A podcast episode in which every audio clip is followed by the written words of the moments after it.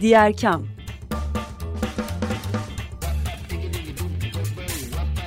Sosyal fayda dünyasından fikirler, tartışmalar, haberler.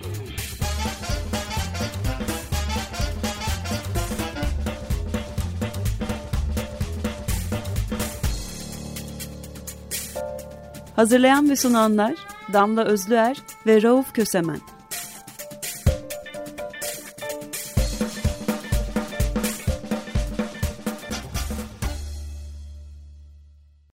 Diğer kamdan herkese merhaba. E, Açık Radyo'dasınız 95.0'da. Ben Rauf Kösemen ve ortağım Damla Özler sizlerle birlikteyiz. Bugün bir konuğumuz var. Vuslat Çamkerten. Çocuklarla felsefe üzerine konuşacağız ama sadece onun üzerine konuşmayacağız. Çocuklara felsefeyi yaymak, dezavantajlı bulunan veya ihtiyaç sahibi çocukların da e, bu felsefe etkinliklerinden faydalanmasını sağlamak ve e, genel olarak çocuklarla dayanışma üzerine konuşacağız. Hoş geldiniz Ustad Çamker. Hoş bulduk. Çok teşekkürler Rauf Damla. E, davetiniz benim için çok değerli. E, çok değer verdiğim bir konuyu sizinle birlikte konuşmak hmm, çok güzel olacak. Umarım e, ilgilisine, meraklısına, daha önce hiç duymayanına da ulaşırız. Hoş geldin diyeyim ben de Vuslat ve hemen ilk soruyla başlayalım. Ee, aslında bu programda buluşmamıza vesile olan Askıda Felsefe e, projendi diyelim. E, özellikle deprem bölgesinden de gelen e, çocuklara askıda felsefe atölyeleri hediye etme şansımız var. Bunun nasıl ortaya çıktığını konuşalım mı? Felsefe nasıl bir değişim ya da dönüşüm yaratacak ki böyle bir projeye evrildi bu? Felsefe atölyelerimi ben 5 senedir sürdürüyorum ve 5 senede çok fazla çocukla e, herhalde 500'ü aşkın 600'e varan çocukla e, birlikte düşündük, sorduk, sorguladık. Oradaki o muazzam dönüşümü gördüğüm, bildiğim için e, bir yandan da bunun daha da çok çocuğa, imkanı olmayan çocuğa ulaşmasını arzu ediyordum. Bu deprem sebebiyle bana ulaşan velilerimiz de oldu. Bu dönüştürücü gücü çünkü veliler de biliyorlar. Çok e, atölyelerime uzun süredir devam eden e, çocuklar var. Onların velileriyle de hep kontak halindeyiz aslında. E, o deprem çok sıcakken ona biraz dur dedim. Çünkü çocukların da ne oluyoruz, neler olacak gibi sorularla bir şekilde kendi başlarına da kalmaları gerekiyordu. Yani kendi dünyalarını da bir şekilde dengede tutmaları gerekiyordu. Ama onun ardından yaz okulumuzda dört haftalık bir yaz okulu planlıyorum ben her yaz. E, 6 tane e, burslu çocuğu e, daha doğrusu şöyle diyeyim atölyelerime altı çocuk atölyelerimde altı çocuk misafir ettim. Bunlardan üç tanesi deprem bölgesindeydi. Hatta internetleri bile çok sıkıntılıydı. Hala konteynerlarda kalıyorlardı. Ama atölyelere öyle ilgi gösterdiler, gözlerinin içi öyle parladı ki bunu devam ettirme kararı aldım. Şimdi yeni sezonda yani Eylül'den aslında Ocak başına uzanacak olan 16 haftalık e, yeni sezonumuzda da yine e, böyle imkanı olmayan ama gözlerinin içi parlayan, sormayı, sorgulamayı seven, hayatı, hayat ve kendi hakkında düşünmeyi e, tercih eden, bunu bilmek isteyen, bunu pratik haline getirmek isteyen çocuklarla buluşacağız. Bunun bir dayanışma haline gelmesini arzu ettim açıkçası. Ee, benim de misafir, kendim misafir ettiğim çocuklar var, olacak. Ama insanların da bunun bilincine varması bence çok kıymetli. Hepimiz için çok kıymetli. Böyle bir duygu, böyle bir bilinç. Ee, dolayısıyla ben de neden olmasın dedim ve askıda felsefe e, diye bir çağrı yaptım. Çok güzel insanlar dönüyor e, ama hala burada sizin aracılığınızla da ileteyim. Şu dönemde, şu başlayacak, cumartesi başlayacak yeni sezonda iki gönüllüye daha ihtiyacımız var. O zaman e, gönüllülere doğru evrilmeden önce biraz felsefe ve çocuklar arasındaki ilişkiyi konuşalım mı? E, daha önce çok uzun yıllar çocuklarla felsefe atölyeleri yaptığını söyledin. Felsefe neden önemli diye soracağım. Çünkü özellikle felsefe yapma e, diyen bir toplumda yaşıyoruz. E, ve sonuçlarını da hep beraber çekiyoruz diyeceğim artık. E, felsefe neden önemli? Özellikle de çocukluk çağında felsefe atölyesi nasıl bir değişim yaratıyor çocuklarda? Şimdi e, sen felsefe yapma deyince felsefe yapma, edebiyat yapma, tiyatro yapma gibi söylemler aklıma geldi. Aslında galiba bizim gibi toplumlarda e, düşünme, düşünmek her zaman böyle ayrı gayrı tutuluyor, tuhaf tutuluyor. Düşünmek, yaratmak, üretmek. E, felsefe felsefe de böyle biliniyor herhalde toplumda. E, ama aslında özellikle de çocuklarla felsefe şöyle bir şeydir. Hepimizin içinden geçtiği o meraklı, serüvenli, heyecanlı, renkli dünyaya felsefenin imkanlarıyla girmektir çocuklarla felsefe. Yani felsefenin aslında aklı ruhu büyüten, e, bilişsel kuvvetleri, bilişsel yeteneklerimizi kuvvetlendiren gücü imkanlarıyla girebilmektir.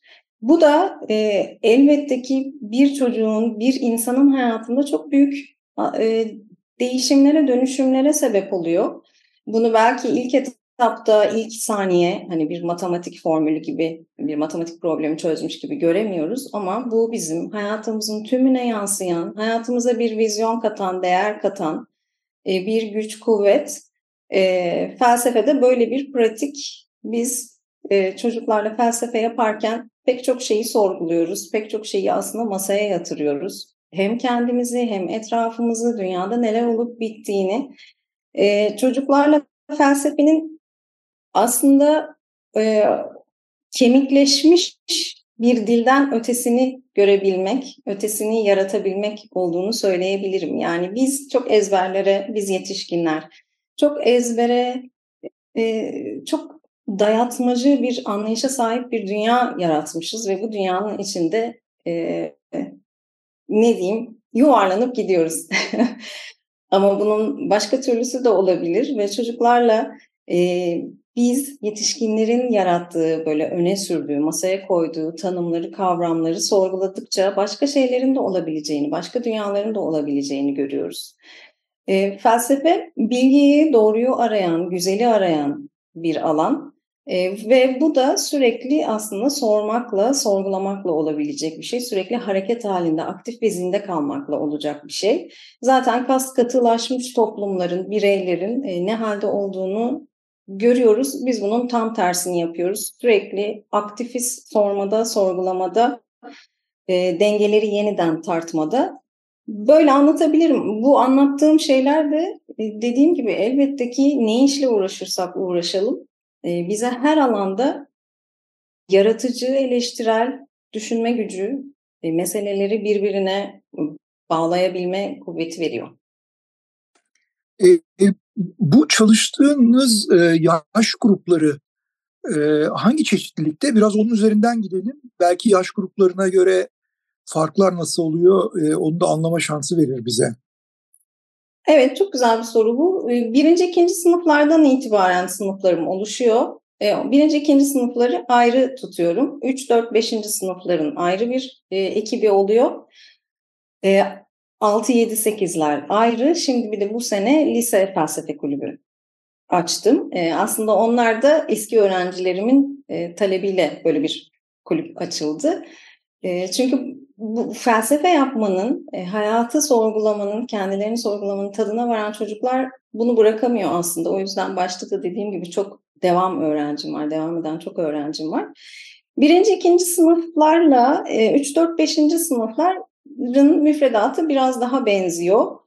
E, ama 6, 7, 8 ve şimdi lise grubuyla da biraz daha sosyal olaylara da dönüp bakıyoruz. Biraz böyle yüzümüzü gerçekten içinde yaşadığımız dünyaya da döndürebiliyoruz. Elbette ki e, daha küçük çocuklarla da onların hayatlarından örneklerle ilerliyoruz ama 6, 7, 8'ler ve işte lise grubuyla biraz daha böyle e, heyecanlı, keyifli, daha e, daha sertleşebiliyoruz, daha derinleşebiliyoruz diyebilirim açıkçası. Çünkü onların da dünyaları çok sert.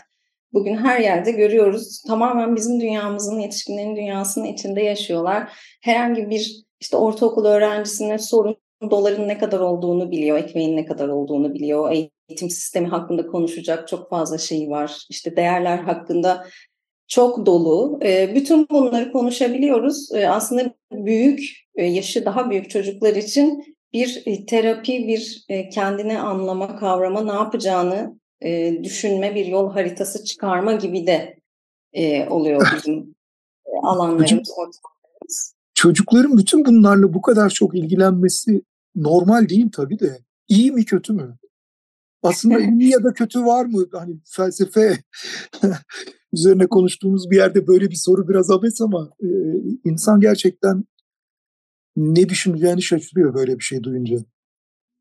Çok haklısın. Dünya sürekli diyoruz ya dünya çok değişti. Her jenerasyon dünyanın ne kadar değiştiğini söylüyor. Zaten dünya sürekli değişen bir şey. İnsanlar da sürekli değişiyor. E çocuklar da çocukların alanları da iletişimde bulunduğu şeyler de sürekli değişiyor. Bence bu soruyu şöyle e, düşünebiliriz, şöyle bir yanıt arayabiliriz. Dünyayla sağlıklı bir iletişim nasıl kuracak bu çocuklar, bu gençler?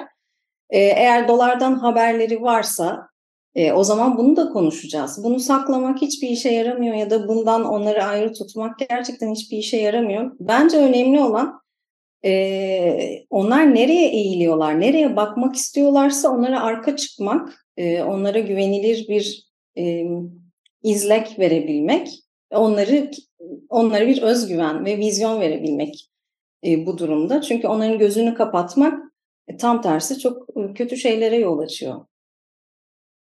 Böyle diyebilirim sanırım.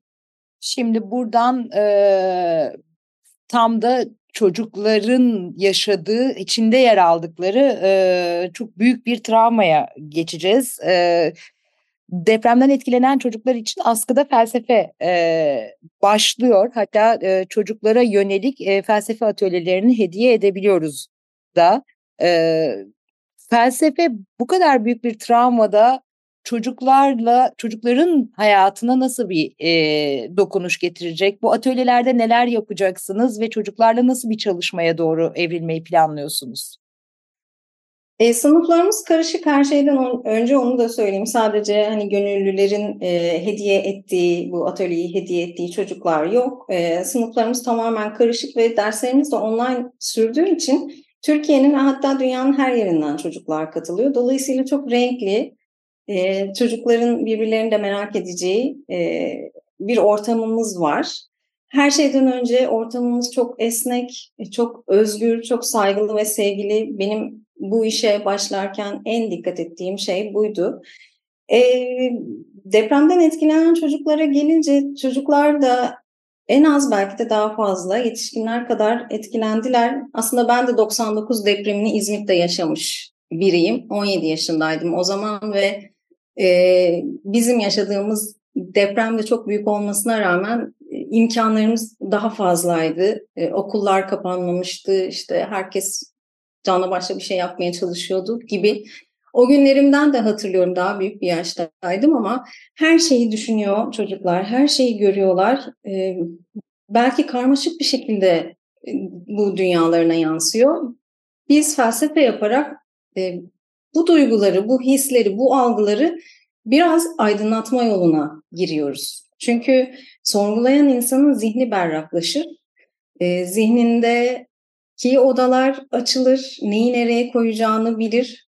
E, felsefenin de özellikle depremzede çocuklara bu konuda çok e, destek vereceğini düşünüyorum. E, derslerimizde özel bir müfredatımız var. Birikerek ilerleyen bir müfredat bu. E, ve sürekli pekiştirdiğimiz de bir şey. Dolayısıyla bir şey inşa ediyoruz. Bir düşünme biçimi, bir yaratıcı ve eleştirel düşünme biçimi inşa ediyoruz birlikte. Gerçekliklerden, e, algılarımızın sınırlarından, bilgiyi aramaktan bahsediyoruz. Özgürlük, özgür irade nedir? Adalet nedir? Eşitlik nedir? Daha da ilerleyen dönemlerde artık son dönemlerde iyice felsefe yapmaya alıştıktan, pratik ettikten sonra işte sanat konuşuyoruz, bilim felsefesi yapıyoruz, dil felsefesi yapıyoruz, sözcüklerin gücünden bahsediyoruz. Ki çocuklar için her şey sözcüklerden oluşuyor biliyorsunuz onlar e, anlaşmalar, sözleşmeler yapmıyorlar bizim gibi e, deal'lar yapmıyorlar. Onlar için söz güven demek, e, sözcük çok büyük bir şey. E, bunlardan bahsediyoruz. Bunların e, şimdiye kadar çocuklara çok iyi geldiğini gördüğüm için aslında böyle e, tutkuyla devam ettiriyorum atölyelerimi. Umarım yine bu sezonda da depremzede çocuklara ya da başka şehirlerde de aslında böyle bir atölyeye ulaşma imkanı olmayan çocuklara ulaşacağız ve onlara iyi gelecek. Şimdi çocuklarla benlik, gelecek, zaman, uzay e, gibi başlıklar e, da konuşuyorsun. Bunları konuşurken aslında bayağı da böyle şimdiki zamanın travmasının içinde e, konuşuyorsun. Ya daha doğrusu sen konuşmuyorsun, konuşuyorsunuz. Onlar e, buradaki sözlerini üretiyorlar. Ne oluyor? Yani o böyle şimdiki zamanın içinde onun travmasıyla yaşayan çocuk birdenbire e, uzay konuşmaya başlıyor mu kolayca? Nasıl oluyor bu iş? Ee, şöyle düşünün, hayatınız çok kötü giderken şahane bir kitap okursunuz ve bambaşka bir dünyaya ışınlanıver, ışınlanıverirsiniz ve o size iyi gelir. Yani biz niye kitap okuyoruz mesela? Niçin yaratıcı şeylerle, sanatla ilgileniyoruz? Hayatımızı hep daha iyiye götürmek için aslında. Niçin e, insanları boğmaya çalışan bir toplumda ilk önce sanat, edebiyat, felsefe yasaklanıyor? Bu yüzden e, zihnimizin sınırlarını, gerçekliğimizin sınırlarını genişlettiğimizde o çocuk da yarın öbür gün hayatını bambaşka kurabileceğinin farkına varıyor. Belki bunu böyle ifade etmek lazım. Ee, iyi düşünmek, bir sorgulama pratiği edinmek insanı aynı zamanda mutlu eden de bir şey. Çünkü insan zekasını keşfediyor. Bu çok haz veren bir şey. Düşünebilmek, meseleleri birbirine bağlayabilmek ve hayatta çıkış yollarının olabileceğini görmek. Felsefe bu anlamda çocuklara umut da veren bir şey. Niçin düşünmesin? Ee, orada acısıyla baş başa kalmak yerine niçin uzayın derinliklerini, uzayla ilgili bir şey yapabileceğini düşünmesin? Niçin bir gün bir ressam olabileceğini, bir e, mimar olabileceğini düşünmesin bu çocuk? Ee, evet. Bence çok güzel bir soruydu bu. İyi ki sordun. Teşekkür ederim. Çok değerli. Ee, bunları düşünebilmek onların ufuklarını e, açan bir koskoca bir yol da veriyor aslında. Çünkü hayat bir serüven, bütün bunları yapabiliriz. Bize e, bir zihin teması şansı veriyor ya. Yani kendi içinde bulunduğu durumun e, benzerini yaşayan işte komşu zihinlerle temas ediyor ve orada herhalde bambaşka kapılar açılıyor. Yani senin yaptığın bu işin en önemli e, kazanımlarından biri de o. Bir de online oluyor olması da ilginç. Yani dünyanın her yerinden farklı zihin, çocuk zihinleri karşılaşıyorlar burada. Evet çok keyifli oluyor. O kadar merak ediyorlar ki birbirlerini. Ee, mesela ilk başladığımızda yüz yüze sadece İstanbul'daki çocuklar gelebiliyordu. Her şeyleri aynı. Yani ayak giydikleri ayakkabılara kadar, kullandıkları tabirlere kadar her şey aynı. Şimdi bugün Diyarbakır'dan bir çocuk katılıyor, Bangkok'tan bir çocuk katılıyor. Çok enteresan oluyor. Eskişehir'den, işte Ankara'dan e, Kars'tan bir çocuk katılıyor. Dünyaların ne kadar çeşitli olabileceğini görüyorlar. Biz derslerimizde ötekileştirmekten, etiketlemekten, genellemelerden de çok sıklıkla konuşuyoruz. E, çok çok mutlu oluyorlar aslında. Bu aynı zamanda gidip gelmeli bir yol değil mi? Daha doğrusu e, çift şeritli diyelim. Çünkü çocuklarla beraber özellikle de felsefe gibi zihin açıcı bir etkinlik yaptığımız zaman yetişkinlerin de zihinlerinde ciddi bir dönüşüm oluyor. Belki de yıllar boyunca tıkanmış olan bir takım kanallar açılıyor. Ee, bu süreci sizler nasıl yaşıyorsunuz? Ee, ben kendi açımdan mı yanıtlayayım bu soruyu? hem öyle hem gönüllüleriniz. Gönüllüler. Gönüllüler bir kere gerçekten çok güzel insanlar. Böyle insanların var olduğunu bilmek şahane bir şey. Ee, dayanışma insana e, yaşadıkça, bunu dayanışmanın içinde oldukça insan tabii daha iyi deneyimliyor. Çok mutluluk veren, e, umut veren ve çalışma hevesi veren bir şey. Hem kendisi hem dünya için güzel bir şeyler yaratabilme hevesi, şevki veren bir şey.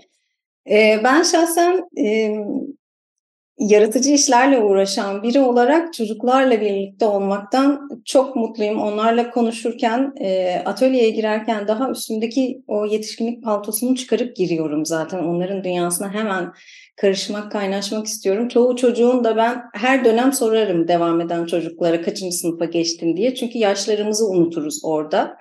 E, tamamen zihnimizin içinde e, dolanıyoruz. Ruhlarımızla orada var oluyoruz. Bir varoluş gösteriyoruz ve bir aslında sağlam karakterli bir varoluş da inşa ediyoruz.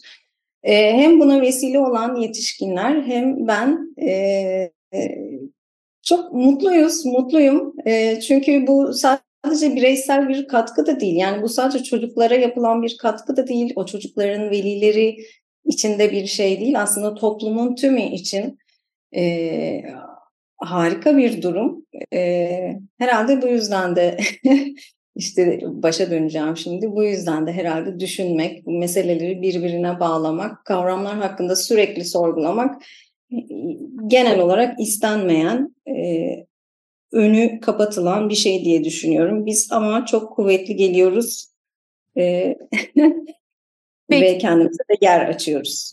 Aslında sadece kavramlarla ilgili değil. E, galiba yeni şeyler denemenin de önü sürekli kapalı. Ya bu konuşma artık böyle e, geyik yani bu söyleyeceğim birazdan söyleyeceğim şeyler artık geyik haline gelmiş durumda ama hani e, felsefe yapma gibi icat çıkarma laflarıyla da büyüyoruz. Atasözlerimizin bir kısmı aslında durduk yere başımıza iş açacak şeyler yapma, değişiklik yapma, statikoyu bozma, alışkanlıklarımızı değiştirme anlamına geliyor. Ee, ama işte ne olursa olsun bunu söyleyenler bile e, kendi hayatlarında yani onu anlık olarak söylüyorlar. Normal e, günlük yaşamın toplamında aynen uygulamıyorlar. E, burada da tabii dönüştürücülüğü meselesi çok önemli. Yani sadece felsefenin değil, konuşmanın dedin ya ben ben oraya takıldım. Orası çok güzel geldi bana. E, bir alan açıyorsun ve açılan alanda binlerce sözcük bir zihin haritası e, oluşturabilmek için veya işte havalarda uçuşarak bazıları e, yok olup giderek bazıları yerine oturarak bir şeyler yapıyor. Bununla ilgili bir e, yayın, e, ne bileyim bir internet e, ortamında yayınlanan bir video, bir kitap, bir şey e, böyle bir şey olacak mı? Düşünüyor musun? Zaman yaratabilirsem belki öyle bir şey düşünebilirim ama şu anda atölyeler de çok yoğun. Tabii kendi işlerim de var e, bir taraftan. Kendi işlerim derken hangisinde birbir hiçbirinde birbirinden ayıramam elbette ama bir taraftan çizerlik, yazarlık, bir taraftan çocuklarla felsefe. Ee, çok güzel olurdu ama şimdilik çocukları atölyelerime davet ediyorum. O yüzden de gönüllüler çok önemli. Ee, ulaşamayan çocuklara da ulaşmamız için. Ve çok da güzel belirttin. Çocuklarla hiç konuşulmayan bir ülkede yaşıyoruz. Çocukların sözünün hiç değerli olmadığı, aslında hemen hemen kimsenin sözünün hiç değerli olmadığı şu anda bir ülkede yaşıyoruz. Ee, böyle şeyler konuşabilmenin, bir kavram, bir mesele hakkında derinleşebilmenin önemini hepimiz e, bilebilirsek, bunun bilincine varırsak her şeyi değiştirebiliriz. Düşünün ki her gün, her hafta e, adaleti sorguladığımızı düşünün, adalet kavramını. Yani eşitlik kavramını, özgür irade kavramını sorguladığımızı, taşları yerinden kaldırdığımızı düşünün. Her şeyin ne kadar da bambaşkalaşırdı. Ee, bu anlamda elimden gelenin yaptığımı düşünüyorum. Daha da fazlasını yapmak isterim elbette. Ee, ama şimdilik e, gönüllüleri bize destek olmaya davet edebiliyorum. Şimdi bu sözün üzerine o zaman nasıl destek olabiliyoruz? Askıda felsefeyi nasıl bırakıyoruz? Ee, son iki dakikaya girdik. Hem sosyal medya hesaplarınızı hem de sistemin nasıl çalıştığını duyalım mı sizden? Ee, aslında bana direkt sosyal medyadan ulaşabilirler. Ee, Instagram ya da Twitter üzerinden e, ulaşılabilir istiyorlarsa usatçamkerten.gmail.com'a e, küçük bir mesaj bıraksınlar. E, detayları orada konuşuyoruz. Kendi istedikleri, hediye etmek istedikleri bir çocuğu kendileri de seçebilirler. E, ya da bana ulaşan, e, e, ulaştırılan çocuklardan e, birini birine atölyelerimizi hediye edebilirler. E, kendilerine e, dijital bir sertifika da veriyorum. Çocuğun ismini, soy ismini, işte hangi şehirden katıldığını gösteren neşeli bir sertifika da iletiyorum onlara. Zaman hızla ilerliyor. Rauf, kapanış için sözü sana atayım mı? Vuslat çok teşekkürler. Ben çok teşekkür ederim. Ne kadar güzeldi, çok önemliydi. Çok teşekkürler. Ee, evet, programın sonuna geldik. Her salı olduğu gibi e, gelecek salıda 16.30'da tekrar birlikte olmak üzere çocuklarla başka e, diyor Vuslat Çamkerten. Çocuklarla felsefe atölyesini tanıtırken veya o ona bir isim bulması gerektiğinde çocuklarla başka demiş. Hakikaten çocuklarla başka, çocuklarla ilgilenen, çocuklarla felsefe yapan insanlarla karşılaşmak da başka oluyor. Çok teşekkürler Vuslat Çamkerten. Benden de çok teşekkürler. Hoşçakalın e, sevgili dinleyiciler diyeyim TRT ifadesiyle. Hoşçakalın.